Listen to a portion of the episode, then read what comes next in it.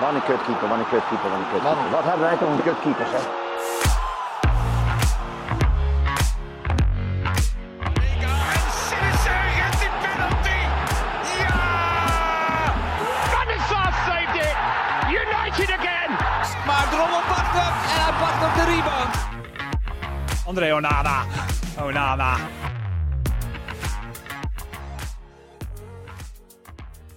Welkom bij de Showkeepers podcast. De podcast over de belangrijkste positie in het veld in samenwerking met FC Afkikken. Mijn naam is Harm Zijnstra en naast mij zit Arjen Heerland. En we zijn eh, bovenal absoluut gek van keeper. Eh, vanaf de doellijn praten we hierbij over verschillende keeperskwesties. En dat doen we iedere podcast met een gast. Deze keer Kostas Lamproe, welkom. Mooi dat je er bent. Dankjewel. Ehm, ja, met jou gaan we het eigenlijk hebben over eh, ja, mentale hardheid. Hoe kun je omgaan met kritiek? Hoe kun je omgaan met tegenslagen? En ja, wellicht dat je onze luisteraars eh, ja, je, jouw ervaringen kan delen in hoe je daarmee omgaat. In vogelvlucht even jouw eh, carrière. Ik probeer het goed uit te spreken eh, met de Griek- Griekse clubs. Galeakinios, Elpida. En toen ben je naar Nederland gekomen. Je ging richting Ajax. Uiteindelijk werd dat Amstelveen. Amstelveen Heemraad. Toen Zo naar. Feyenoord. Excelsior. Willem II. Weer terug naar Ajax. Vitesse en momenteel onder de lat Nee, bij... eh, terug naar Feyenoord. terug naar Oh, Feyenoord. sorry, sorry, sorry, sorry. Eh, ja, je hebt gelijk. Feyenoord was verhuurd eerste jaar. Ja, terug naar Ajax. Ja. Jij hebt gelijk. Vitesse en, en nu Vitesse en nu eh, RKC onder de ja. lat.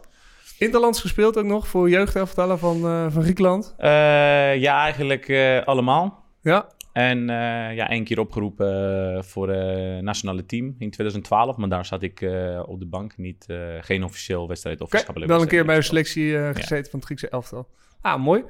Ehm, ja, eh, een carrière eigenlijk zoals bijna van elke speler, van elke keeper... die, eh, die, eh, die zich ook kenmerkt door ups en downs. Ehm, ja, zoals, ja, zoals ik zeg, elke keeper heeft daar wel mee te maken. Vandaag zoomen we in van, ja, hoe kun je nou gewoon het beste omgaan... eh, zodat je zo snel mogelijk weer gewoon naar een up gaat... en je lekker voelt en eh, gaat spelen eh, binnen je kwaliteiten. Ehm, ja, en eigenlijk ben ik wel, ben ik wel heel erg even nieuwsgierig. Je kwam vanuit Griekenland naar Nederland. In de verwachting om naar Ajax te gaan. En wat gebeurde daar toen? Je trainde mee.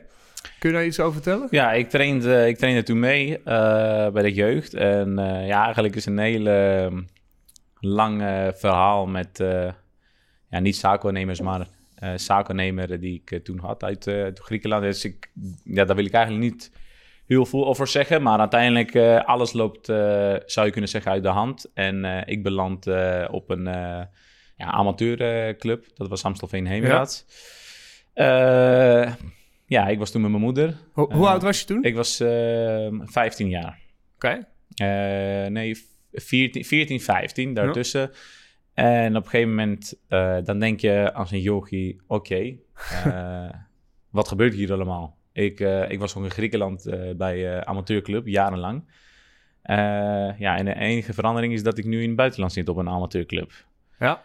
Je kwam met een droom, denk ik, naar Nederland. Ja, dat was ook de grote droom. En dat was ook de reden waarom eigenlijk mijn familie uit elkaar ging. Om, om- zo, zodat ik zeg maar met droom achteraan eh, kon gaan. Eh, maar ja, liep gewoon niet.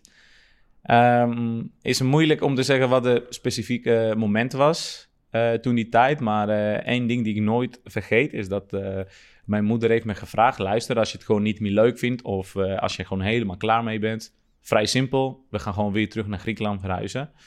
Ehm, maar wat grappig is, ehm, is dat toen ik Griekenland heb verlaten... was behoorlijk ehm, rondgekomen in het nieuws dat een eh, Griekse jongen... die eh, veel talent heeft Ja. en naar, eh, naar Ajax gaat. Eh, je weet hoe dat gaat, bla bla bla. En er werd best wel nog groot gemaakt. En ik kon het niet maken richting mezelf, maar ook richting mijn familie, dat ik binnen een jaar, ook als ik 14, 15 was, dat ik weer terug naar mijn land zou gaan als echt een grote loser. Gewoon niks gehaald. Zo voelde dat ja, ook zo voelde jou. ook. En dat, ik weet niet hoe, maar ik kon dat niet meemaken. Dus ik weet nog heel goed, mijn moeder vroeg luister, wat ik zei, als je klaar mee bent, we gaan gewoon terug. En ik weet het nog heel goed, heb ik, heb ik gewoon letterlijk gezegd, nee, dat gaat gewoon niet gebeuren. Wij gaan pas terug naar Griekenland als ik zeg maar de hoogste niveau in Nederland heb gehaald. Anders ga ik gewoon niet terug. Ja, en daar is het eh, eigenlijk eh, mee gestart. Zoals ik zei, Amstelveen Hemiraat. Eh, En daar zat ik, was, eigenlijk was ik een C'tje. En Ja. deed ik mee met eh, A1. Eh, ben ik best wel eh, ge- zwaar geblesseerd geraakt op mijn linkerknie. Heb ik mijn achtste kruisband eh, gescheurd. Tijdens je periode bij Tijdens bij Amstelveen Heemraad. Zo. ehm, heb ik eigenlijk ook een beetje geluk gehad dat ik de mogelijkheid heb gekregen om, om weer bij Ajax in de jeugd te revalideren toen die tijd. eh, geloof ik een maandje of twee. Toen ben ik weer teruggekomen. Eh, speel ik een eh, wedstrijd met Amstelveen Heemraad. Echt heel goed gekiept. Maar dan blijkt dat ik eh, in het begin van de wedstrijd mijn pink had eh, gebroken. Dus ik moest alweer in, in de gips, mijn rechterarm. Ik kom weer terug. Eh, vrij weinig mensen weten dat ik ook stage heb gelopen bij Sparta. Maar daar werd ik gewoon afgekeurd omdat ik bij de tweede training ook door mijn kruisband, achtste kruisband ben weer gegaan. Heb ik weer een terugslag gekregen. Daarna ben ik naar Anderlecht gegaan om stage te lopen. Ja, ja, ik denk dat ze niet echt warm waren over mij. Eh, en voor ons was ook heel belangrijk, voor mij en mijn moeder, dat tenminste ons appartement zeg maar, betaald zou worden. Dan zou het een stuk makkelijker eh, maken. Ja. Want mijn moeder wilde niks horen over eh, andere familie, dat, ik, dat ze mij alleen zou laten. Ehm, ja, en toen ben ik uiteindelijk naar, naar Feyenoord gegaan. Hoe oud was je toen toen je naar Feyenoord ging? Ehm, dat was in 2006. Eh, ik was 15 en eh, dat was mei, was ik 15 en in september zou ik 16 worden. Maar in, in, in deze periode beschrijf je eigenlijk al gewoon...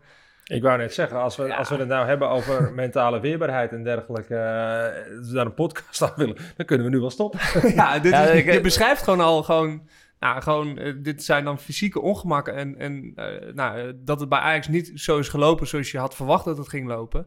eh, die ik in, in mijn hele carrière gewoon niet heb meegemaakt.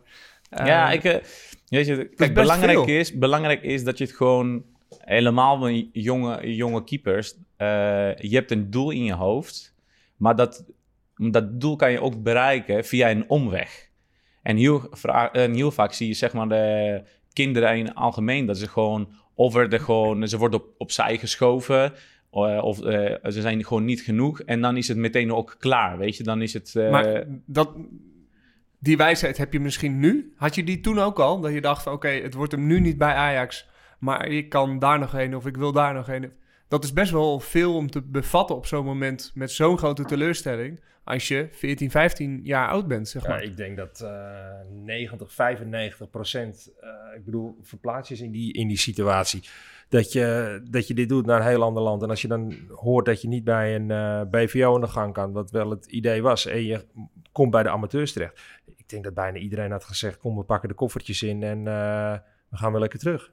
Ja, dat klopt. Ik moet eerlijk zeggen, ja, mijn, familie heeft mij gewoon enorm, eh, enorm gesteund. En grappig is dat ik bijvoorbeeld, ik was met mijn moeder in Nederland. Mijn vader was op dat schiereiland waar we zijn opgegroeid. Maar ja, mijn, mijn broer, eh, die was eh, student op universiteit. En die was, denk ik, eh 600, 700 kilometer eh, ver weg van mijn vader. Dus we zagen eigenlijk elkaar misschien twee of drie keer in een jaar dat we met z'n vier aan tafel konden zitten. Best wel een grote opoffering ook gewoon. Ja, enorm, enorm. Want ik, ben- ik was, zoals ik zei, 14, 15. Ja, mijn Ja. moeder was toen 38. Was gewoon een jonge vrouw die haar man achterliet en een andere kind.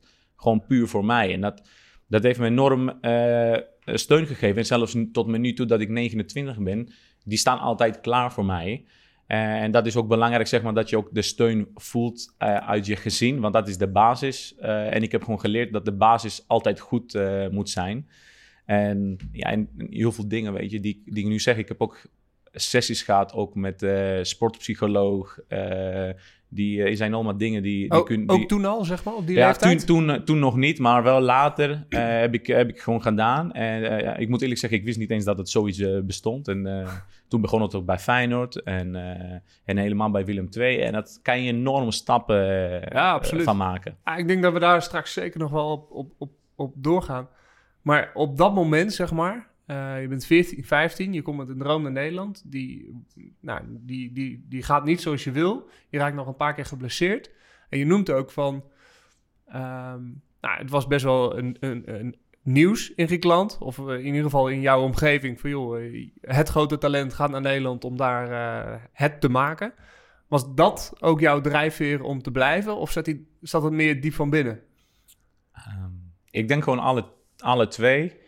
Ehm, ik, wil het, ik wil het zelf heel graag maken. Want altijd zeg maar eh, keeper zijn, dat was eigenlijk mijn passie en eh, mijn liefde. Dat vond ik altijd eh, geweldig om te doen. Weet je, we gingen met, mijn ouders bijvoorbeeld kleding kopen, omdat eh nieuwe schooljaar begon en we moesten weer trainingspakjes hebben. En het enige wat ik wilde was gewoon handschoenen. En ik kon letterlijk de hele tijd achterin de auto zitten met mijn handschoenen aan. En duiken van links naar rechts in de auto. Dat ik was gewoon gek van de spel en ja, om en een keeper te zijn. Dus, En helemaal zeg maar, de- misschien, toen, misschien toen had ik niet echt besef. Maar toen dacht ik, hé, dat is best wel echt een grote kans die ik nu krijg. Dat ik, misschien was ik op een amateurclub, maar ik ben in Nederland. En dat is eh grote school Hm. eh, voor de jeugd. Eh, en natuurlijk iedereen wist en weet dat Ajax eigenlijk de grote school was. eh, altijd talenten kwamen. En het maakt niet uit als, het, zeg maar, als je bij Ajax zou zijn of niet. Eh, weet je, de kans was er al. Ik was in het buitenland. eh, het was een nieuwe start. Natuurlijk heel moeilijk. Ik kon de taal niet beheersen. eh, vrij weinig Engels. Ik heb veel veel moeten investeren. Maar natuurlijk begint het, alles begint bij jezelf. Als je zelf niet gelooft, dan heeft eh geen zin om te, om te proberen. Dat geloof had je dus absoluut in jezelf. Ja. Had je ook direct wel door toen je bijvoorbeeld weer bij Amstelveen speelde en trainde van ja, ik ben eigenlijk best wel beter dan de anderen of ik ben wel heel goed misschien. Ja, ik ben, ik, ik, ik zeg eh, eerlijk, ik ben best wel vrij eh, bes- hoe zeg ik, bescheiden als, Ja. als eh, mens. Maar natuurlijk, op, op een gegeven moment, je hoort links en rechts dat mensen gaan zeggen: hé, hey, de keeper die is hartstikke goed. Je doet mee met wat oude leeftijden en gaat hartstikke goed. Ehm, dus dat gaf me ook, zeg maar, hoe zeg je dat, de kans om te zeggen: hé, hey, Ja, Weet je, jij gelooft, het, ja? je gelooft in jezelf. Eh, je weet dat je goed bent, maar is niet dat je alleen jij dat ziet. Andere mensen zien dat ook. Ja. En, en, ja, en zo ga je proberen zeg maar, om stappen te maken. Ja, ja, het is echt eh, een bijzonder verhaal, want je gaat dan ook nog naar Sparta en naar Anderlecht. Beide keren krijg je uiteindelijk toch ook gewoon een afwijzing van, nou, we gaan, we gaan eh, niet voor je kiezen. Ehm, Hoe is dat bij Feyenoord gegaan? Heb je daar ook echt stage gelopen? Of zeiden die gelijk van, eh, we willen je hebben? En nou, ik heb stage gelopen en ehm, in die periode dat ik nog niet in Nederland eh, eh, was, to- toen ik stage liep bij Ajax, zeg maar de tweede keer, eh, heb ik eh, ehm, in een huis van de ouders van Michael Reiziger eh, geslapen. Ja. Meneer John en mevrouw Brenta. En, eh, en toen het echt enorm eh, ja, slecht ging in Nederland, eh, toen heb ik ze een keertje opgebeld. En eh, toen eh, vroeg ik, meneer John, weet je, dit en dat, zou, me, zou u mij kunnen helpen? En toen weet ik nog heel goed, ehm, volgens mij is het niet fout heb, was Siggy Lens, de zaakwaarnemer Ja. die zijn bureau had, en John Veldman. En, ik, en ik had een wedstrijd met, met Amstelveen Hemerad. En toen John Veldman heeft mij daar zien spelen. En de echte last minute was in mei, heeft hij, eh, is hij in contact gekomen met, eh, met Feyenoord. En Feyenoord was op zoek naar, eh, naar een keeper bij eh, B1. Ja. En toen heb ik twee dagen stage gelopen. De eerste dag eh, was alleen ik tegen een andere keeper die ook stage liep. Het was letterlijk gewoon eh, elkaar gewoon afschieten. Hij stond op goal en ik dacht, eh, luister, je mag geen kans. En ik was van alle kanten aan het vuren. alles Ja. het vangnet Ja, in of alles een stijve kruising Gewoon, in. maar- eh, ik wilde gewoon scoren, maar eh, ja, het zelf ook ballen pakken. Dus daar ben ik doorheen gekomen. En daarna was nog een dag eh stage lopen met de, met de groep. En eh Feyenoord was, eh, ja, was heel erg positief. En, en zo is het eigenlijk gegaan. Vrij snel ook, moet ik Ja. eerlijk zeggen. Ja. En vrij last minute in dat jaar dus. Ja, ja, want meestal, tenminste wat ik toen mee had gekregen, is dat vrij snel in begin mei of zo, eh, clubs weten alvast eh, hoe de elftal eruit Ja, zou zien. klopt. Van eh. januari, februari beginnen die stageperiodes. Ja. En dan is dat eh, meestal in april, eh hooguit begin mei zijn die selecties wel Ja. rond. Dan kom je bij Feyenoord, dan denk je wellicht van... Oké, nu zit ik waar ik wil zitten. Hoe, eh, hoe is het voor jou dan in zo'n omgeving? Want op een, nou, bij, je amateurs train je misschien twee, drie keer. Bij Feyenoord ga je nou, bij wijze van bijna fulltime trainen. Ja. Zat je direct op je plek? Was je thuis? Dacht je van... Dit ik zat is... direct op mijn plek. Ja, ik heb... eh, Sprak je al Nederlands toen? Nee, ik had de, mijn eerste jaar in, eh, in Amsterdam zat, heb ik op internationale school gezeten. En dat was meer Engels. Dat was ook goed, want ik moest echt enorm mijn Engels verbeteren. En daar had ik eigenlijk één keer in de week Nederlandse les. Maar ja, toen ik in Rotterdam eh, ging, Eh, daar moest ik ook verplicht Nederlands eh, leren. En dat wou ik zelf ook. Dus ik, ik heb gewoon op school gezeten. En ik blijf het gewoon herhalen. Maar ik denk dat ik gewoon dagelijks rond de 100 eh, woorden ging vertalen voor mezelf. Maar echt letterlijk opschrijven van Nederlands naar Grieks. Puur dat, dat ik een woordenboek heb. Dat ik veel woorden kon leren. Ja. En ja, Vo- voetbalwoorden of gewoon... voetbalwoorden in het begin, maar ook gewoon normale woorden. Alles wat je kon bedenken, gewoon alles eh, wat je van school mee eh, kreeg. En ik ging gewoon vertalen, vertalen, vertalen. En dan denk ik, ja, op een gegeven moment, je gaat eh, woorden steeds meer horen in het dagelijks leven. En dan ga je het ja, makkelijker Ja. leren. En ik werd geholpen ook door de jongens op de club. En is ook niet leuk in die leeftijd als iemand in de kleedkamer een andere, andere taal spreekt en wordt, er wordt gelachen. En op dat moment ga je zeggen, nou, word ik nou in de maling genomen? Ja, Of is het echt een grap? Eh, maar het was gaan, nou, ging best wel goed en de jongens hebben mij enorm Maar geholpen. ik denk dat dit ook al een aspect is wat iets over jou zegt. Dat je op 14, 15-jarige leeftijd dus ook zo'n drang hebt om, eh, nou in dit geval de Nederlandse taal te begrijpen. Dat je dat dus voor jezelf doet. Dat je ehm, de discipline toont om eh, nou, elke dag die 100 woorden te gaan vertalen en te gaan leren. Ehm, is dat ook iets wat zeg maar, gedurende jouw eerste jaren bij Feyenoord gewoon ook continu naar, naar voren is gekomen? Die discipline, die wil om te slagen misschien gewoon wel? Dat die zo nadrukkelijk aanwezig was? Ja, zeker. En de discipline heb ik nog steeds. Eh, ik heb... eh, ik weet niet, zeg maar, als ik mezelf heb aangeleerd of als ik, dat ik, of als ik zelf zo ben. Het is heel moeilijk om precies specifiek aan te geven. Maar hard werken is gewoon voor mij nummer één. Is dat buiten het veld? Is het dat op veld? Maakt niet in welke... Dat was toen ook al zo? Toen was ook zo. Ik was echt... eh, ik was echt gewoon en keihard gewoon aan het trainen. En waar komt dat dan vandaan? Want niet iedereen heeft dat gewoon uitgezocht. Nee, maar ik, ik weet ik ook niet. Ik wilde gewoon, ik wilde gewoon snel zijn. Ik wilde gewoon sterk zijn. Ik wilde gewoon dat ik gewoon in mijn achterhoofd dacht ik, oké, weet je, dus als ik gewoon op een gegeven moment naar eerste eh, zou doorstromen, als ik daar binnenkom, dan wil ik zeg maar, ehm, ja, zeg maar aantonen, ik ben wel jong, maar ik ben niet de jonkie die niet sterk genoeg is of die niet, dat niet Hm. kan, dat ik zeg maar mensen kan verrassen. Eh, en dat is me wel best wel gelukt. En natuurlijk is het bij mij best wel snel erin gekomen dat ik niet lang ben eh, Mhm. voor een keeper en vergelijken met de andere jongens die rondlopen. En daar even een extra setje gegeven om nog harder te trainen. Oké, dus jullie, jullie vinden of zo dat ik niet groot genoeg ben en dat ik eh, niet goed genoeg ben of dat het eh, niet gaat lukken.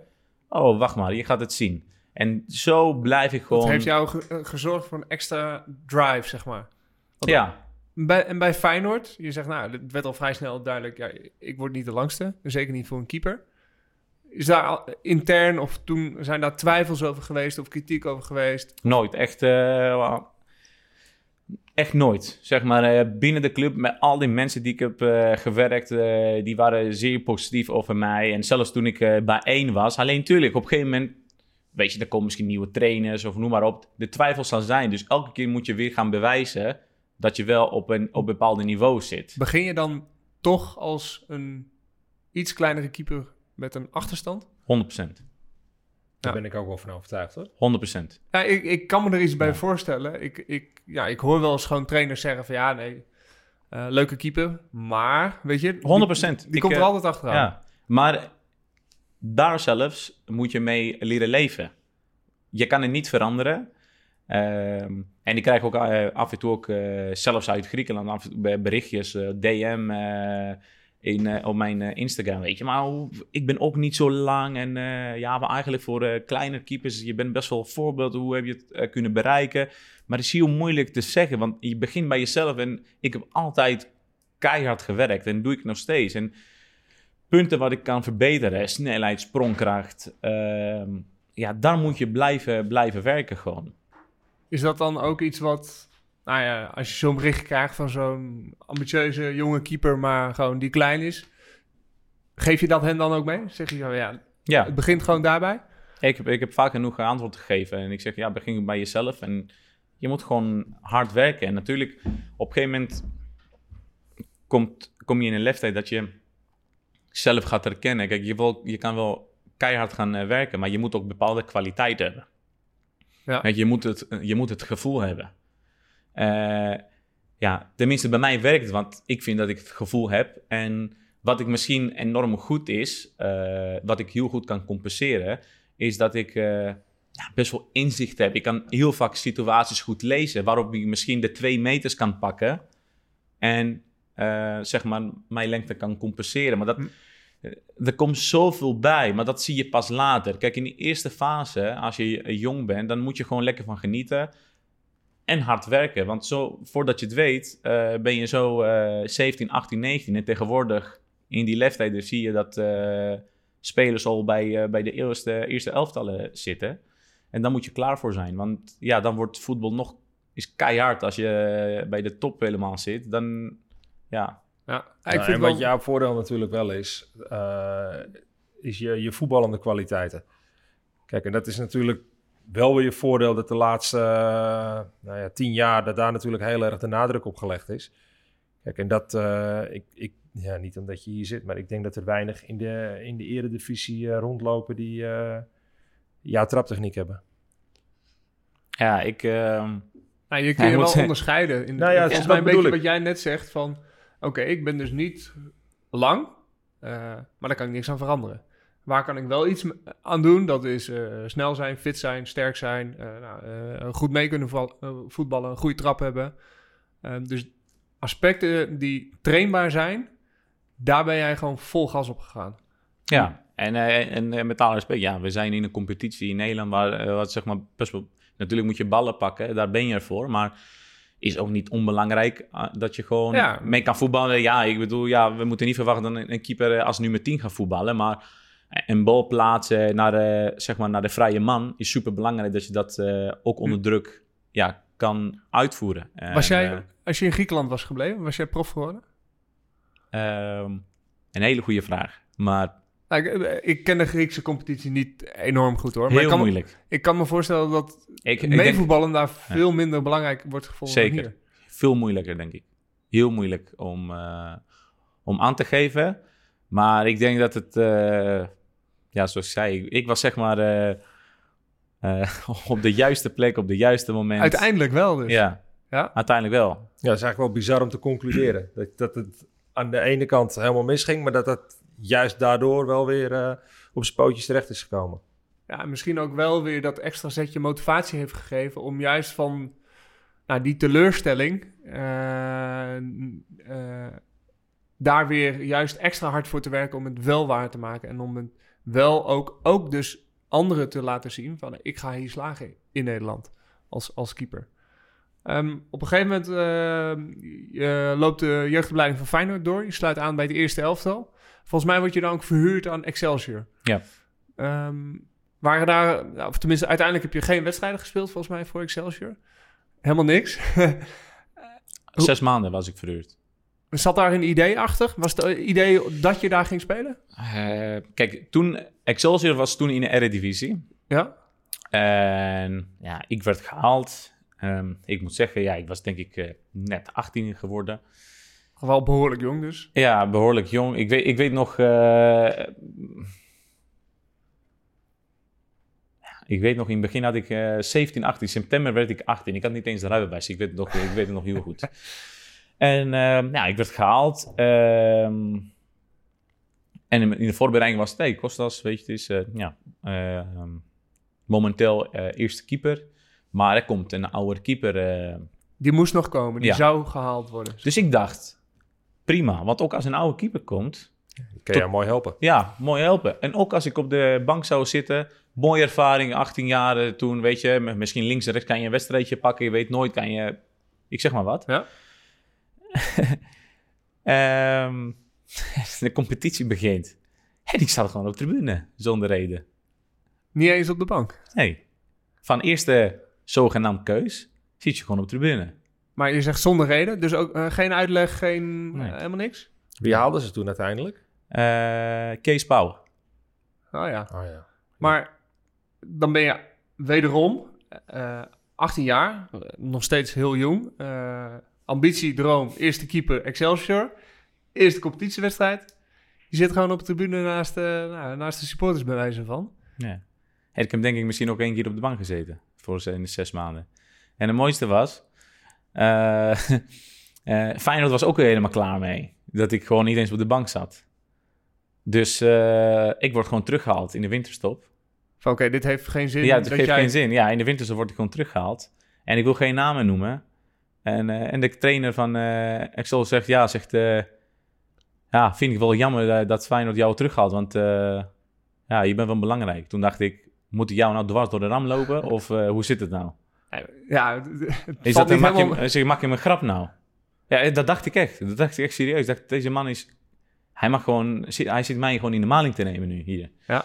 En dan was ik enorm blij. Ik dacht echt, van binnen dacht ik, ik ben li- het liefst 480ste keeper bij eh, Feyenoord dan op tribune zitten daar. Omdat ik zo, en, en niks met de club te maken, laten we duidelijk zijn, maar puur, eh, hoe zeg maar is, eh, Ja. En je bent ook niet gekomen om... Je wordt ook niet verhuurd om uiteindelijk op de tribune plaats te nemen. Eh, lijkt mij in ieder geval. Ehm, maar toch, je, je komt van een grote club, Feyenoord. Je wil spelen, maar dat lukt dan weer niet. Hoe kom je dan terug bij Feyenoord? Ja, ik kwam goed terug. En dan eh, ja, was gewoon lekker. eh, ik was hartstikke blij dat ik tenminste meteen bij één kon aansluiten. Ehm, en daar gewoon op niveau eh treden. En Want- toen voor, voor de zes maanden. En eigenlijk eh, in de zomer is dat, als je nog eh, weet, de hele gedoe met, eh, met Mario Been. Ja? Werd, werd weggestemd en, en is Koeman gekomen. En toen heb ik eigenlijk onder Koeman heb ik, in een beker eigenlijk mijn, mijn debuut gemaakt in betaald voetbal. Dus binnen, binnen een paar maanden, of binnen een jaar in ieder geval... ga je van derde keeper Excelsior... naar je debuut maken bij Feyenoord. Ja, en dat is juist heel belangrijk dat zeg maar eh, kinderen, spelers, keepers eh, moeten het beseffen dat de lijntje is zo dun. Van heel laag kan je zomaar ineens een eh, best wel goede stap maken, maar andersom ook. Dus je hebt geen zekerheid, maar dat betekent ook niet dat je moet mee kappen, zeg maar, als het niet, eh, niet loopt. Of als je Maar goed, twee, Feyenoord, drie... Feyenoord moet het wel in jou hebben zien zitten. Want anders halen ze je niet terug op het moment dat je daar op een eh, tribune komt te zitten. Dus Ja, zeker. Je stond er wel goed op bij Feyenoord. Ja, zeker. Bij Feyenoord stond het heel goed op. En, en natuurlijk heb je misschien wel een beetje geluk dat toen die tijd eh, Feyenoord was niet ideaal qua financieel belang. Maar Dat is dat seizoen zeker geweest met die, eh toen werd er wel... met die 10-0 bij PSV uit. Dat was het jaar dat... Toen was ik verhuurd aan eh, Excelsior. Dat was voor de winterstop. En in Ja. de winterstop ben ik teruggekomen. En, eh, en toen is het meteen dat een jaar daarna is... dat we eh, met Koeman eh, tweede werden. Maar voor heel veel spelers of keepers, of nou, ik heb het zien gebeuren, gewoon eh, derde, op, op de tribune komen bij Excelsior of nou, bij wat, welke club dan ook. Is gewoon einde verhaal. Is gewoon, ja, eh, niet meer eh, goed lopen trainen, gewoon die tas in de hoek gooien, cynisch lopen doen in de, in de kleedkamer. Ehm, maar, maar bij jou is het toch ergens gewoon toch weer omhoog gegaan. En- Ja. Maar is dat dan eh, geluk? Is dat dan doorzettingsvermogen? Is dat... wa- Ik denk, Kun je het benoemen? natuurlijk moet je ook geluk hebben in je leven, maar zonder, zonder, zonder geloof, eh, zonder dat je zelf, als je niet gaat investeren, je, je gaat nergens, vind ik. Ja. En natuurlijk moet je ook eh, geluk hebben. Ik bedoel, ja, als iemand ergens eh, gaat investeren en ineens eh, gaat hij heel veel ge- geld verdienen, en zegt ja, hij heeft ook een beetje het geluk gehad dat het wel goed heeft uitgepakt. Maar hij heeft ook zijn werk goed gedaan. Heeft misschien zijn voorbereiding was misschien ook goed. Dus alles moet zeg maar in zijn plaats vallen. En, en, en eigenlijk, we kunnen verder praten over de andere clubs die ik heb gehad. Dat je gaat zien dat ik weer een te- tegenslag kom. En dan weer terug. En Ja. tegenslag. Maar dat is het hele leven. En dan, je moet gewoon, je moet blijven knokken gewoon. Het bokser moeten worden. Gewoon neergaan en weer op, Ja, opstaan precies. gewoon. Ja, Ja, telkens vier tellen krijgen, maar nooit die, eh, nooit die acht of tien tellen dat krijgen. heb ik nooit gedaan. Boksen. Nee, het is wel, ja, het is wel ja, een dun lijntje. Ik vind het wel mooi dat je dat zegt. Het is een hele dun lijntje. En dat, en dat wij ons daar als keepers, op welk niveau je dan ook speelt, ehm, dat het gewoon heel snel eh, beide kanten op ga- kan gaan. Of dat je in een negatieve spiraal komt, of dat het opeens supergoed gaat. Maar er hoeft maar iets te gebeuren. En dat, en, ja, net even dat ene balletje door je handen heen of eh, over een bal heen duikt. Ja, we kennen allemaal die momenten. Eh, maar dat kan wel echt bepalend zijn voor je carrière. Ja, absoluut. Ik, ja, ik moet even... in dat seizoen dat jullie tweede werden met Feyenoord... allerlaatste wedstrijd volgens mij of één laatste wedstrijd, thuis speelden jullie tegen Cambuur. Toen speelde jij ook. Eh, toen stond ik op goal bij, bij Cambuur. Ehm, dat waren voor mij momenten, zeg maar, die mijn carrière wel een klein beetje een boost hebben gegeven. We verloren dik, dat, dat zeg ik er ook direct bij. Maar dat jaar daarna was ik ook een tijdje eerste keeper, maar pakte ik een rode kaart. En toen was het voor mij klaar. En dat zijn van die kleine momenten die gewoon uiteindelijk heel erg beslissend eh, worden in je carrière. En ja, dat is het dunne lijntje wat soms geluk is, wat soms ehm, Zeker. hard werken loont. Eh, ja, Nou ja, dat, dat klopt. Maar soms wel met dat kleine beetje geluk of, eh, of pech wat je hebt. ja. Ja, je, je hebt dat natuurlijk bij Willem II eh, meegemaakt. Volgens mij kreeg je toen in je eerste of tweede- Eerste wedstrijd. Ja, Ja, Ik maak de fout, eh, ik maak de fout eh, eerste helft eh veel te gretig buiten 16 balletje aannemen en eh, hoe heet de spits? Weet ik niet. eh Locadia volgens mij eh, maakt hem af. Nou ga je gewoon de rust met eh 0-2 en dan komt tweede helft eh, en tegen Wijnaldum penalty en een rode kaart. Want toen was nog de oude regel. En dan ga je de kleedkamer in en wat denk je, debuut.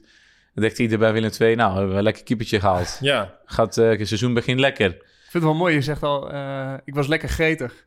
Ja, Zeg maar. echt. Is dat, eh, Nou, dat, dat is ook een stukje eh, Dat mindset, mentaal. Zeg ja, maar. Zeker. Dat, dat zit in me. Dat zit gewoon in me. Je Maar wou je laten zien. Ja, tuurlijk wil ik je laten zien. Maar dat is juist ook weer wat we zeggen. Dan kom je weer op de dunne lijntje. En dat heb ik geleerd ook van... eh, ik heb best wel veel keeperstrainers ook gehad. En eh, ja, die zeggen gewoon... Luister, je moet als keeper ook soms de wedstrijd naar je toe laten komen. En niet dat jij zelf naar de wedstrijd toe gaat. Dus niet echt opzoeken. Laat Ja. het moment naar je toe komen. Want dan ga je in de wedstrijd groeien. En dan kan je juist... Dat, dat iets extra's kan je daarna doen. Maar Niet niet, forceren, ja, niet forceren. Ja? Ja? niet meteen. Ja, ik ging forceren. En dan eh, ging zwaar eronder. ja. Maar ja, voor hetzelfde gehad heb je een trainer die zegt... eh, ga jij maar even een weekje of zes zitten. Maar dan, dan doet die ander het goed, hè? En daarom zeker. En dan de volgende wedstrijd was eh, Utrecht uit. En eh, ja, ik moet eerlijk zeggen...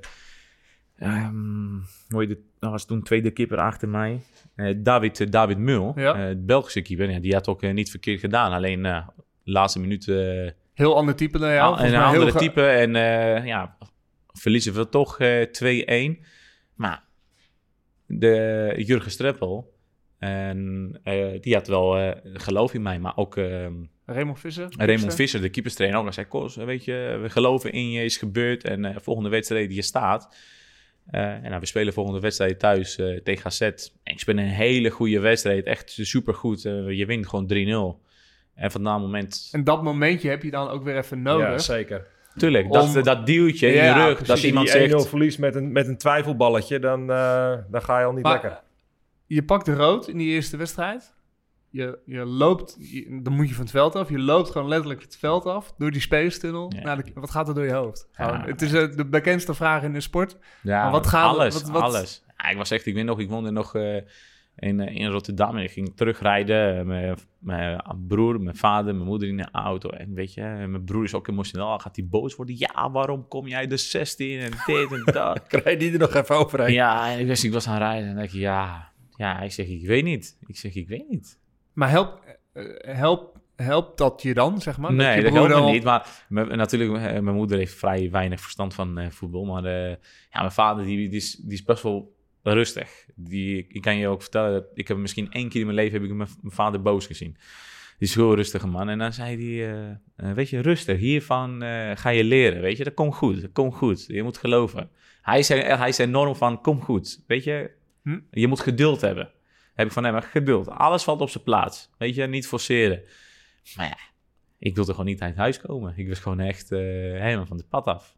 Ja, maar dat is best wel, eh, dat is best wel heftig. Want eh, jouw prestaties dus op het veld. eh, je pakt een rode kaart. Nou, je, je maakt een fout. Je zegt van, hey, ik, ik, ik wou even gewoon mijn huis niet uit. Ik, ik verstop me gewoon even. Ja, maar echt. Ja, maar dat is wel iets gewoon...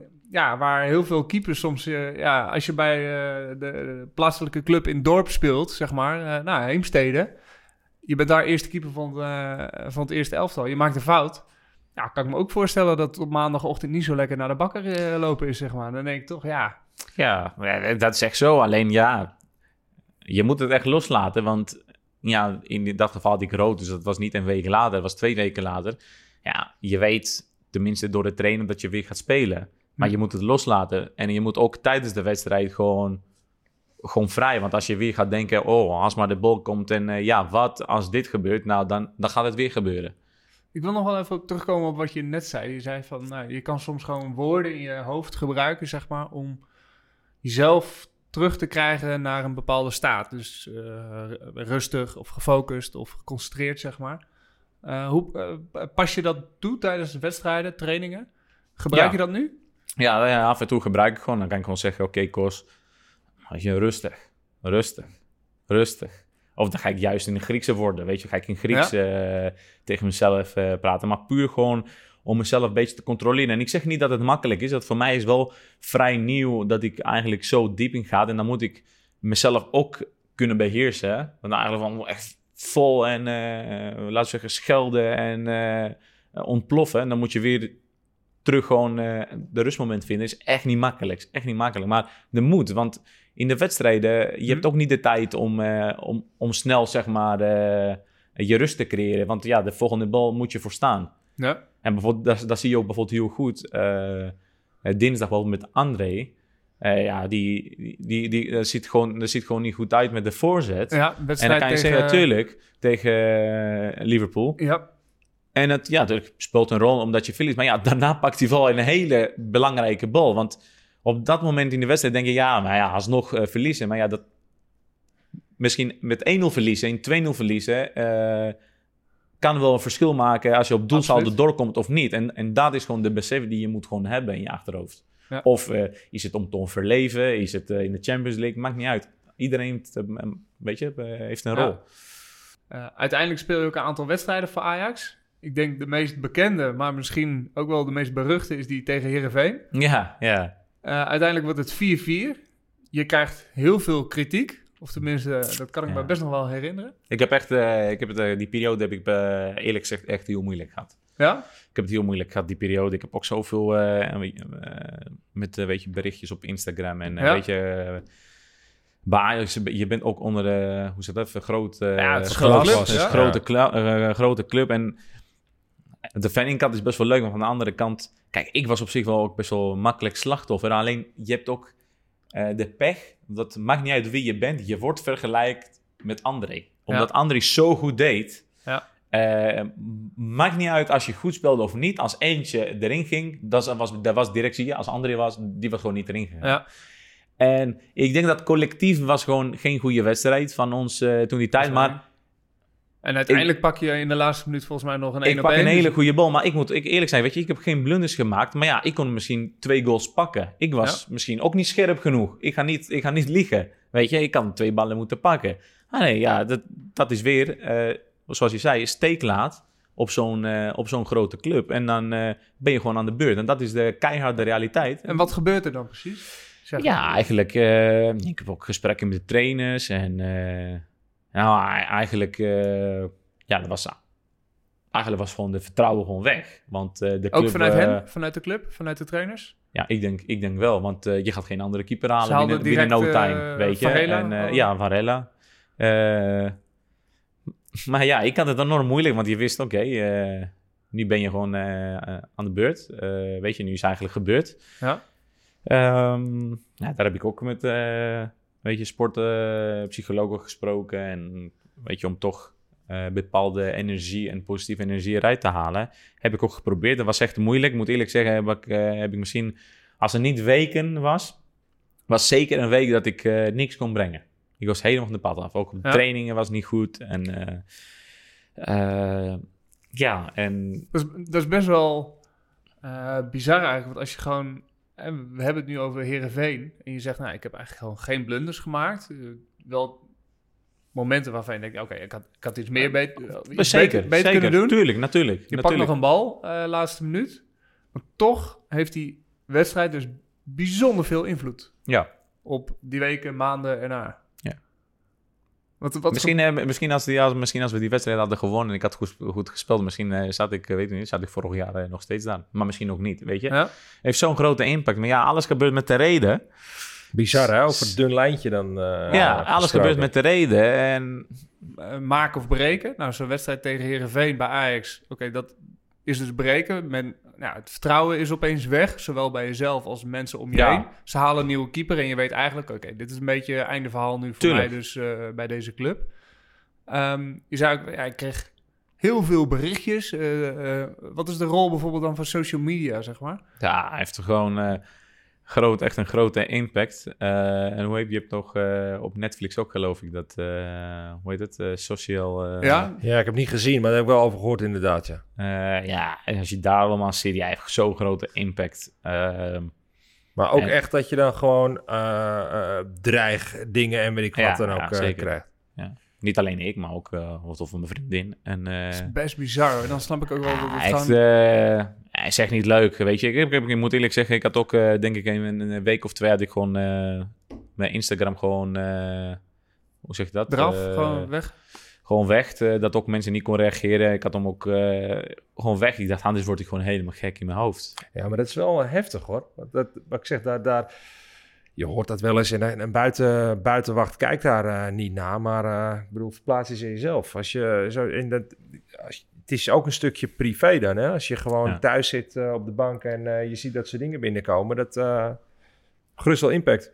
Ja, ik moet, ik moet, ik moet eerlijk zeggen, het was... eh, ehm, ik, ik, heb, ik heb zelf, was ik ook zelf in contact gekomen met de club. En ik had gezegd, ja, jongens, ik krijg gewoon dit, zo, dit soort berichtjes. eh, Ja. Even rekening houden. Ik weet niet of dat echt de bedoeling is. Of eh, ja, zomaar een berichtje is of er meer achter zit. Maar eh, ja, de club zei, ja, kan me niet voorstellen. En hadden ze een beetje in de gaten. Maar ik dacht, hey, eh, dat wordt gewoon best wel serieus. Ook naar Ja. mijn vriendin toe. Ehm, ja, dat- grote dat- impact, weet je. ja. Mensen moeten voorzichtig zijn. En natuurlijk eh, heb je van die, eh, met alle respect, heb je ook van de achterlijke mensen tussen lopen. Maar eh, je moet gewoon niks aan van aantrekken, weet je. Hou gewoon even, eh hoe zeg ik dat, Eh, hou gewoon afstand ervan. Als het even niet lekker loopt, eh, gewoon beter dat je afstand neemt en daar gewoon niks van weet. Je hoeft niet alles te weten ook. Nou, ik vind het wel slim dat je zegt, ja, oké, eh, ik verwijder Instagram gewoon even van mijn telefoon. Ehm, want uiteindelijk, Ik had hem weer terug op privé gezet, weet je. Dit soort Ja. dingetjes. Ik Ja. dacht, eh, laat die gewoon even... want als je, want, nou, dat is dus, eh, nou, social media heeft heel veel mooie kanten. Je kan jezelf laten zien en profileren als sporter. Maar dit is natuurlijk wel in die zin een keerzijde, dat iedereen je ook heel gemakkelijk, nou, weet te vinden, zeg maar. En al die rotzooi weet te sturen. Eh, en hoe je het ook bent of verkeerd, wat je terecht zegt, ja, dan zit je thuis op de bank, gewoon in je privésfeer. Maar je krijgt het toch onder ogen, je ziet het. Ik bedoel, mensen taggen je erin of je, krijgt je krijgt eh, privéberichtjes. Ja. je ziet het toch. En ja, je wil het niet zien, maar ja, ik, dat doet wel iets met je, zeg Tuurlijk, maar. dat is iets met je. Ja, tuurlijk. En eh, heeft met zelfs dit, je zegt, zijn eh, enorm onbekende mensen, maar zelfs dit kan het gewoon pijn doen, weet je. Want je wil het goed doen, Ja, maar ja, het Ja, loopt dat niet altijd wel. even lekker, Ja. weet je. En, eh, dat herken ik. Ja, als je een wedstrijd speelt, of het nou goed of slecht is, er zijn altijd mensen die er iets van vinden. Eh, en ook al hecht je geen waarde aan hun oordeel, maar toch als je het leest, toch als je het meekrijgt, want ze taggen je erin, eh, persoonlijke berichtjes, ja, het, het, het doet soms ook gewoon pijn. En dat is gewoon gek, zeg Ja. maar. Ehm, Ja, maar het idee van mensen loopt ook gewoon heel erg uiteen. Ik ga wel eens gewoon voor de grap, dan staat er een, een, een bericht, of niet eens een sportbericht te zijn of iets anders, en dan staan er 400 reacties onder. ja, dan en dan je- klik ik hem wel eens aan. Dan denk ik, nou ben ik benieuwd wat de reacties hierop zijn. Maar dat schiet dan echt van daar naartoe naar daar naartoe. Dus dat, eh, je kan het inderdaad dan nooit goed doen, want ze, vinden er altijd dan wel weer wat van. Ja.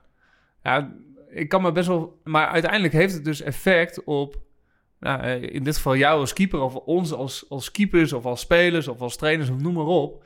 eh, in je functioneren. Want je, ja, je bent gewoon even een paar weken gewoon van de leg. Hoe, hoe kom je er uiteindelijk dan toch weer bovenop? Is het gewoon, nou, de storm is even gaan liggen? Ja, precies. De storm is gaan liggen en op een, gegeven moment, op een gegeven moment weet je dan... eh, je gaat ook niet meer aan denken, weet je. Dan, eh, Ja. ja. in de loop van de tijd... eh, weet je, uiteindelijk zijn echt onbelangrijke dingen. Dus die, die laat Ja. je ook links liggen en dan denk je, ja, ik ga door. Je denkt niet eens over na. Ja, en zo groei je zeg maar Ja. overheen. Weet je, je moet ook niet te veel blijven hangen.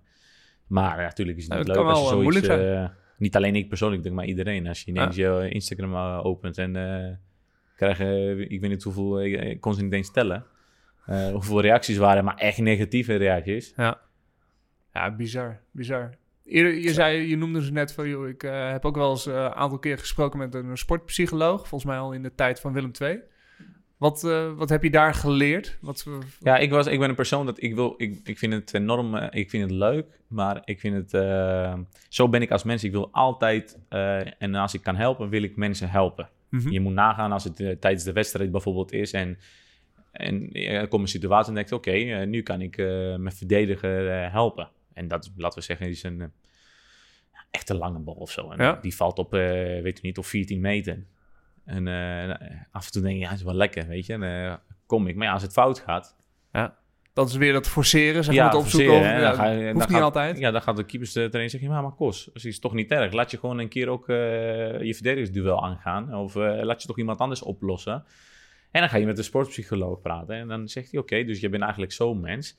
Ik zeg maar, om andere mensen te helpen, dan moet met jou ook heel goed gaan. En dan kom ik terug, ja, dan ga je in de wedstrijd groeien. En als je lekker in je vel zit, dat, dat extra's kan je het gewoon brengen. Hm. Maar als het niet echt lekker loopt en je gaat dingen opzoeken, dan gaat het juist vaak om, omdat de basis nog niet goed is. En dan, ja, dan ga je helemaal terug, basis is, eh, weet je, je huis, je kinderen als je kinderen hebt, eh, of eh, de ouders, is iedereen gezond, weet Hm. je. Eh gezinssituatie is echt super belangrijk en daar, daarop, zeg maar, ga je bouwen. Ja, train je goed, eh, voeding, noem maar op, dan ga je Ja. heel diep. Ja, en dan zo heb ik gewoon eh, geleerd, oké, nou, nu stap je terug. Eh, weet je, ik ben ook af en toe denken, nou, forceren bijvoorbeeld, zal ik, eh, weet je wel, een lange bal spelen, strepen naar de linksbuiten. Weet je, af en toe kan dat. Maar ja, als je niet lekker inleveren gewoon binnen kan voelen naar de links centraal, laat hem bijvoorbeeld spelen. Ja. En door basis dingen kan je wel weer jezelf in de wedstrijd brengen. En daar heb ik wel beter, zeg maar, oog erop. Daar kan ik Ja. nu, eh, misschien heeft het met mijn leeftijd te maken dat ik wat ouder ben, dat ik toch beter controle in heb. Ja, de wedstrijd lezen, weten wanneer je aan het forceren bent of wanneer je denkt van, oh, wacht eens even. Ik zit nu juist in de flow, dus ik, ik Ja. kan dingen doen. En meestal gaat dat, denk ik, misschien nog wel automatisch. Maar me- met name herkennen van, eh, wacht eens even. Ik ben nu dingen aan het forceren, dus ik moet even simpel spelen. Ja. Rustig spelen. En dan komt dat vanzelf wel weer. Ja, zeker. Ehm, hey, we hadden het zo net over eh, ja, rol social media. Die, die, die kan best wel een grote impact hebben. Ehm, wat, waar ik soms nog wel moeite mee had, en ik ben wel nieuwsgierig hoe jij dat doet, of jij er iets mee doet, is gewoon je omgeving. Mijn eigen omgeving, mijn vrienden, mijn familie. Ja, die kregen ook dingen mee. Die lazen iets in de krant dat ik slecht had gespeeld, of weet ik veel wat. Of die zagen iets op tv, of die zagen iets op social media. Maar dat gingen ze mij dan doorsturen. Zeg maar, hé, hey, eh, ik heb iets over je gezien. Met in principe een prima intentie, want ze vinden het leuk dat je in de aandacht staat. eh, ze vinden het leuk dat je ehm, eh, nou, ergens in de krant staat of op tv komt. Ja. Maar toch had dat een negatieve invloed op mij. Want ik dacht, ja, ik, ik wil het gewoon niet weten, zeg maar. En dat stuurde ik dan soms wel terug. Veel, eh laat lekker zitten, hoef ik niet te weten. Heb- doe jij daar iets mee? Heb je... Ehm, nee, ja, mijn ouders eigenlijk niet, want die, die zijn ook in Griekenland, dus eh, ja, Ja. Die, die zien ook niet zoveel. Of eh, ja, zou wel kunnen, weet je, dat, dat toevallig iets eh, hebben gezien of zo. En die st- sturen het puur om, om uitleg te geven, om te vertalen wat er precies erin staat. Maar wel niet zo vaak meegekregen, maar wel van vrienden. Bijvoorbeeld, eh, ik zeg maar wat, dan was ik weer aan de beurt bij VI. De beruchte tafel. Weet je, ja, natuurlijk, ja, ja. daar ben ik ook vaak, vaak genoeg voorbij gekomen. En dan, eh, dan, weet je, dan krijg je weer een berichtje. Hey, Kos, eh, weet je, gaan ze weer, weet je. Echt, eh, Ja. ja, echt. Maar wil je dat dan weten? En dan of zeg van, nee, dat- In het begin had ik echt moeite. ja. Nou, ik, zo, ben ik weer aan de beurt. Eh, was ik ook boos. Maar Was dat nog zich- bij Willem II? Of bij Ja. Feyenoord? Of? Nee, ik denk meer Willem II. Ja, Ja. Fijn ook, maar Willem II ook. Maar, Ja. ja, weet je. En dat, vind ik, dat vond ik ook echt niet leuk. hè. Na- natuurlijk, alsnog, als je iets eh, negatiefs hoort, dan denk ik, ja, kut, weet je, ga je weer aan de het, beurt. het gaat toch ergens een plekje innemen in je hoofd. Alleen nu ben ik wel wat makkelijker in geworden. Weet je, daar kijk bijvoorbeeld, ik zeg maar wat vrij simpel. Ging ze bijvoorbeeld, eh, weet je, grapjes maken eh, over eh, mijn lengte. In het Ja. begin kon ik echt boos aan worden. maar nu, nu denk ik, hebben ze eigenlijk, eh, weet je, het is wel grappig hoe ze dat eh, brengen. Alleen is heel leuk, weet je. Maar het moet niet zo zijn, zeg maar, dat je iemand eh, echt belachelijk maakt. Ja. Weet je, en daar, en daar kan ik wel aan irriteren. Weet je, je kan wel grapjes maken, maar het moet niet zo zijn dat je iemand echt belachelijk eh, maakt. Daar denk ik, daar heb ik best wel moeite mee. Maar eh, ik, Ik, heb ook wel de laatste paar jaar, ik moet je zeggen, ik, vind het, ik, ik kijk regelmatig. Ik vind het gewoon leuk om te kijken. Maar ik heb wel het idee dat ze, dat ze er ook meer een act van gemaakt hebben. En dat ze mensen eh, niet meer echt eh, op het persoonlijke heel erg aan het beledigen zijn eh, daarin. Ja, de laatste jaren bedoel je? Ja. wel? Ja, dat misschien... Zo'n gevoel heb ik ook een beetje. Kijk, en, en, en natuurlijk, je weet het gewoon. maakt niet uit waar je eh, voetbal is gewoon... Iedereen heeft zijn mening. Iedereen... eh, je moet... Is ook normaal. Je doet een beroep waar iedereen ziet. Dus je weet ook dat je gewoon... dat mensen kritisch kunnen zijn. Daar moet je open voor staan. Maar ja, als het wat je zegt, als het echt persoonlijk wordt, dan, dan is het gewoon niet leuk. Dan denk ik, wat heeft nou daar eh, dat mee te maken, weet je, met de voetbalkwaliteit of dat, eh, noem maar op. Maar ja, ik ben mee eens. Ik denk ook dat het wel Ja, het is, iets minder het is is geworden. entertainment geworden natuurlijk. Juist, in plaats ja. van voetbal inhoudelijke kritiek. Maakt dan nog verschil van wie je de kritiek krijgt? Hmm, nee. Zeg maar, ik kan me voorstellen als, als nou, bijvoorbeeld serieuze analisten iets over je zeggen en dat is kritiek of nou, een, een- een- mensen bij VI aan tafel. Weeg je dat nog af, zeg maar? Van, nou, ik neem de een iets meer serieus dan de ander? Of, Ja, nee. Kijk, kritiek die gewoon, eh, zeg maar, ehm, ja, waarheid achter zit of een Ja. bedoeling achter zit, dan neem ik het gewoon serieus. Maakt niet uit, zeg maar, eh, van je, als het... Je hebt een, ehm, ook als je fouten, fouten doet, zeg maar, eh, zeg maar, je kan, kritiek kan negatief zijn, Hm. Maar er kan ook een beetje een, een, iets positiefs achter zitten. Ja. Weet je, dat je, of, of jezelf iets positiefs, ja, als je iemand zegt, ja, maar eh, die, die Lamproe, die, eh, die was helemaal van de pad af eh, gisteren bijvoorbeeld. Ja, en is echt zo, zou ik zeggen, ja, helemaal gelijk. Heb ik gewoon eh, Ja, niet goed gekiept. kan, ik kan er verder niks mee. Ja, ik kan er verder ja. niks mee, maar ja, ik helemaal gelijk. Ja, maar ja, als, je, als je kritisch bent op wat je doet op veld, weet je, dat volledig. Ik sta echt, ik sta gewoon echt voor, voor open. Maar wat, wat Arjen zegt, als het echt kritiek is op persoonlijk of weet ik veel, of uiterlijk, eh, noem maar op, dan denk je soms, ja, weet je, nu is het mo- mo- mooi geweest. Weet je, je Ja. hebt het vaak genoeg gezegd. Maar eh, ja, ik denk dat door kritiek we, nou, word je ook alleen maar beter af en toe, toch? Dan moet je ook een beetje tegen kunnen. Eh, is niet altijd even leuk, maar ja, is gewoon eh, slikken en doorgaan. Ja, het is wel gewoon onderdeel van het vak. Het Ja. vak voetballer zijn.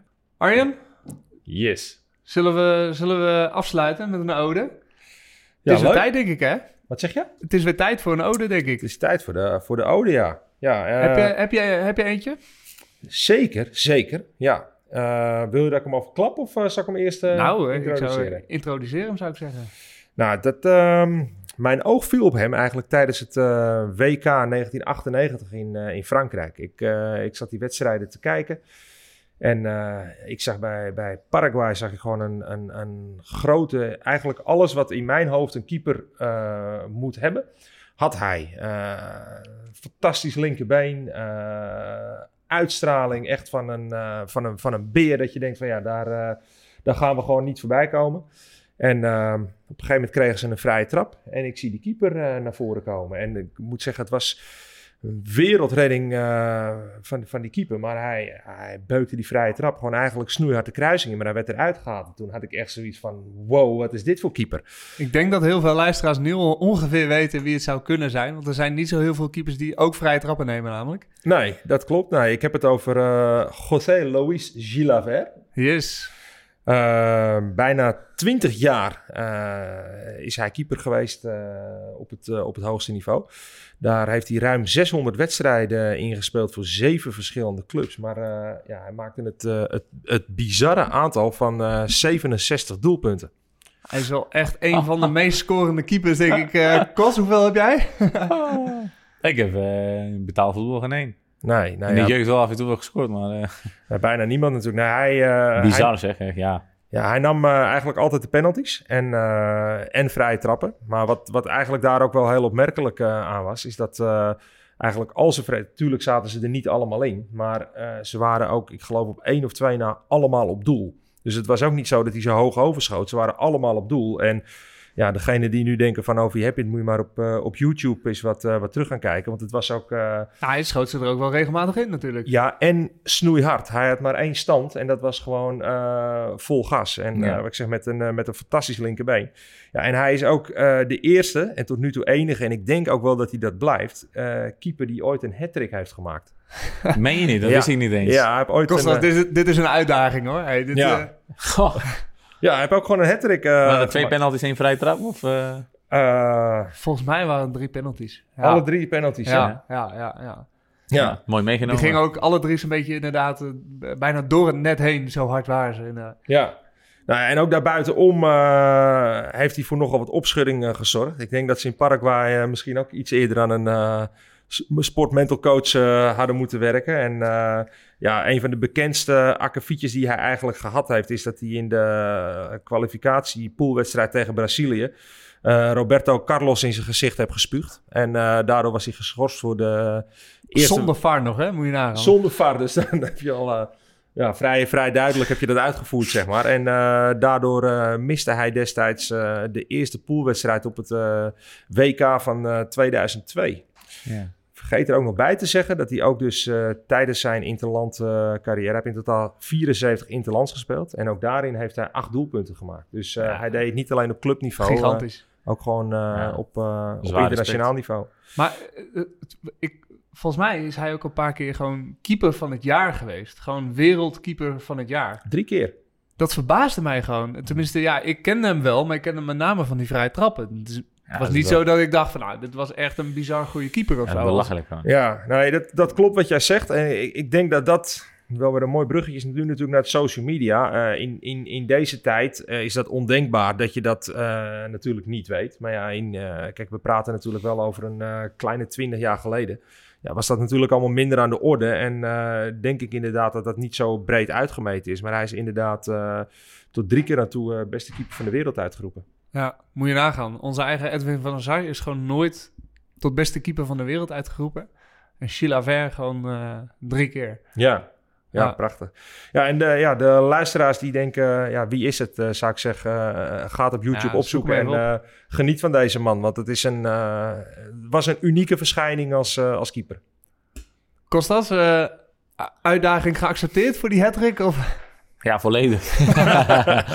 ja, ik zou alleen zeggen, ja, als je nu iemand, denk ik, eh spuugt, dan eh, mis je de hele WK, denk ik. Ja, Ja, Dan dan is ben je wel alleen, iets, eh, iets langer. eh, ja, denk ik- zeker, zeker in deze periode. Ja, Ja, ik denk een stuk of zes krijgen we wel. eh, dat denk ik ook. Ja, dat denk ik ook. ja. Jij hebt wel een goede trap, dus eh, vrije trappen, penalties. Ik weet niet of je jezelf nog eh, naar voren kan Nou, schuiven. als- Als we ooit met eh 4-0 voor staan eh, en is het penalty, kan ik misschien een keertje proberen, maar... Ja, Ja. ongekend joh. Ongekend. Ja, bizar, Een bizar, echt en, knap. en iets van de 60 eh, goals eh, gemaakt tijdens, 60, 70 goals gemaakt zegt, tijdens. ook, zegt ook genoeg, hè, dat eh, misschien hij de, de enige is of zo eh, die, die zoveel heeft gescoord. En, Ja, eh, er- er zijn een paar. ja, zijn paar, ja. Ja. Volgens mij, als ik het goed heb, is hij, eh, er is een top 5 Ja. daarin samengesteld. En volgens mij staat hij op plek 2. En, eh, Of was het een ik- andere Braziliaan of zo? Ja. Die, een ik heb hem hier voor me, dus ik, ik kan Ja? je nog even laten spartelen. Maar Nou, ik eh, weet, ik weet dat hij, eh, ik weet niet precies hoe ik het uitspreek, maar die eerste is een, een Braziliaan. Die heeft in ieder geval, eh, die heeft ook veel langer is hij doorgegaan. Ja. Volgens mij speelt hij zelfs nog, maar dat weet ik of is net gestopt. Maar nou, hij is al een tijdje gestopt. ja, die heeft er nog veel meer gemaakt. En wie ik ook zeker weet die in de top 5 staat, het is eh José René Higuita. Gita. Ja, ja. onze Ja, eh, ja, ook. Colombiaanse Spider-Man. Ja, de, Ja, de de, de, keeper van de, de Scorpion Kick, Scorpion eh, Kick, die ja. heeft er ook aardig wat gemaakt. Die heeft er Hoe heet 41 nou? gemaakt. Je moet hem wel nu zeggen over die Braziliaan. is een hele bekende. Met een C Hij heet is eh, mij. Rogerio Ceni. Zeni, Ja. Ceni. Ja, hij heeft er Zeni. 131 goals gemaakt. Er zijn, dus, er zijn eh, ongetwijfeld, nou, ik weet wel zeker, er zijn gewoon veel spitsen die niet Ik- aan dit aantal komen. Deze, deze dat, keeper heeft ze gewoon... Kan dat, eh, hé? Maar dat moeten sowieso allemaal penalties ook geweest zijn. Eh, ja, veel vrijtrappen en, eh, en penalties. Eh, en ik zit hier nog even te lezen. Hij, is ook gewoon een paar keer binnen de top 10 topscorers van zijn competitie geëindigd, zeg maar. gedurende een jaar. Ja, omdat hij ze er gewoon wel inlegde. Andere keepers die hier nog op stonden is, in de top 5 is Campos van Mexico. Ja, Campos. Die Ja. had altijd zo'n fel shirtje Ja. aan. Ik eens begrepen, dat is geen grap, dat zijn moeder die maakte. Die Ja, shirtjes, ja, geloof ik ook geloof ik ook. Nou, wellicht nog eens eh, tijdens een andere ode. Eh, en deze kende ik eigenlijk niet. Dat is een Bulgaar, Ivankov. Ivankov. Eigenlijk de enige eh, Euro- Europeaan die toegelaten werd, die ook penalties mocht nemen. De enige die ik eigenlijk nog weet, hier in Europa, de laatste jaren, is Hans-Jurgen Boet van Boet van... bij. München. Bij München. Heeft hij gespeeld. Ja? Ja, ja. Die, eh, hij heeft een aantal jaren bij Bayern München gespeeld. En hij is ook bekend een beetje... Ja, Maar eh, maakte hij ze bij Bayern ook dan? ja, dat hij heeft hij een tijdje wel gedaan. Maar eh, het bekendste filmpje wat ik van hem weet... is dat hij een penalty scoorde, juichend terugliep... en terwijl de aftrap genomen werd en die bal over hem heen. Oh, ja, die, ja, ja, ja, die. Gekegeld Ja, werd, ja, ja, ja, ja, ja. Dus als we het over scorende keepers hebben... ja, nou ja, de laatste goal die ik ken is voor Koopmans van ADO. Maar die... ja, dit zijn Ik- toch ik- wel de veel scorende keepers eh Ja, je hebt gelijk. Ik, zit, eh, ik zie nu... eh, Ja, nee, bij Bayer, Bayer 2 staat er dat hij één goal heeft gescoord. Maar hij, hij is foul.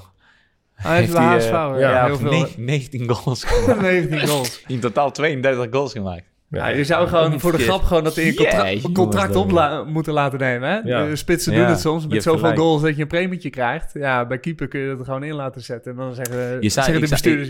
Je zal zei. Buck, ik dacht, die, eh, ik dacht je bedoelde die ene kale keeper, maar die, was bij, eh, die speelde bij, eh, in België. Dat hij ook vaak, eh, vaak een stuk, stuk of eh, twee keer had gescoord met, met Sinan. Bolat. Eh, ja, met, met, eh, met de kop, met Ja, de corners. Ook, ook een keer tegen AZ geloof ik. ja, juist, dat Ja, was ook. ja, Ja, ja, ja. klopt. Toen dacht ik, hé, zijn Turks, maar... Turks nee. Belgische keeper, ja. Sinan Bolat. Hey, we hebben er nog een tegen AZ gehad, hè? Eh, eh, Martin Pie- Piekenhagen. Pieter- Piekenhagen, ja, ja, zeker weten. Ja. Ja. Het blijft toch wel een mooi fenomeen. eh eh, door de- scorende keepers. Ja, Als je terugkijkt, je hebt wel best wel leuke keepers voorbij zien komen afgelopen jaren. absoluut. Ja, Dat zeker. ziet ik helemaal als ik de, soms foto's zie voorbij komen van echt oude keepers, weet je. Van, eh, denk ik, jeetje, wat was die goed. Ja, nou ja, mocht je nog een keer een mooie ode aan een keeper eh, hebben, stuur hem vooral in. Ja, Eh, ook jullie luisteraars, mocht je een leuke ode hebben, ja, laat het ons weten. Dan, dan dragen we hem hiervoor. Toch een, ja, een bijzondere keeper, aparte paradijsvogel of gewoon een hele goeie. Ja, laat het vooral weten. Ehm, dit, was, eh, dit was hem alweer, de aflevering Showkeepers podcast. Kostas, enorm bedankt voor jouw Ja, eh, verhaal. Ik, eh, Nou, ik leuk bedankt. dat je er was, Kos. Echt Ja, echt, eh, ik bedankt eh, dat ik de gast eh, mocht zijn. En, ehm, Heel Ja, leerzaam. ook, ik, ik, ik heb een aantal puntjes genoteerd waarvan ik denk... Ja, hier, hier nou, zou ik wat aan hebben gehad, zeg maar, eh, toen ik nog keepte. Maar zeker ook eh, keepers die luisteren. eh, ja, weet je, als je hard werkt, zoek je je geluk op. Eh, want het is een dun lijntje. En dat kan soms heel snel eh, van de ene kant naar de andere kant gaan. gewoon lekker van de momenten genieten. Binnen een en, paar eh, maanden van derde keeper bij Excelsior naar debuut maken van Feyenoord. Nou, om een voorbeeldje te geven. Dus investeren in jezelf, gewoon door hard te werken. Maar zeker ook op mentaal vlak. Zoek mensen op die daar verstand van hebben en die daar met jou aan de slag kunnen. Ja, ik vind dat mentale, mentale vlak gewoon belangrijk is. Helemaal zeg maar eh, in die periode waar we leven, waar de hele wereld op, eh, Ja. op eh, volle toeren draait. Ook ondanks eh, corona. Eh, af en toe je rust eh, nemen, zeg maar. eh. Ja, het is eigenlijk wel bijzonder hè, als we kijken naar hoeveel tijd wij besteden aan het trainen van techniek, van tactiek, van fysiek. Eh, en hoe weinig tijd we eigenlijk met z'n allen besteden aan het trainen van je mentale gestel, eh, gezondheid of gestel. Ja. Ehm, en zeker ook omdat we gewoon weten met z'n allen hoeveel impact dat heeft. Eh, laat staan in in het normale leven, maar zeker ook als je topsport bedrijft eh, en elke week eh, ja, tussen die vier lampen staat. Ehm, dus ja, dat is wel een mooie les. en, en bedankt voor die lessen. Enorm leerzaam en waardevol. Jullie luisteraars, dankjewel voor het luisteren. Ehm, heb je nog tips wie je dus als gast wil of een mooie ode of welk thema wij moeten bespreken? Nou, laat het ons weten. Dat kan via Twitter, Harm Zijnstra of Arjen Heerland. Bedankt.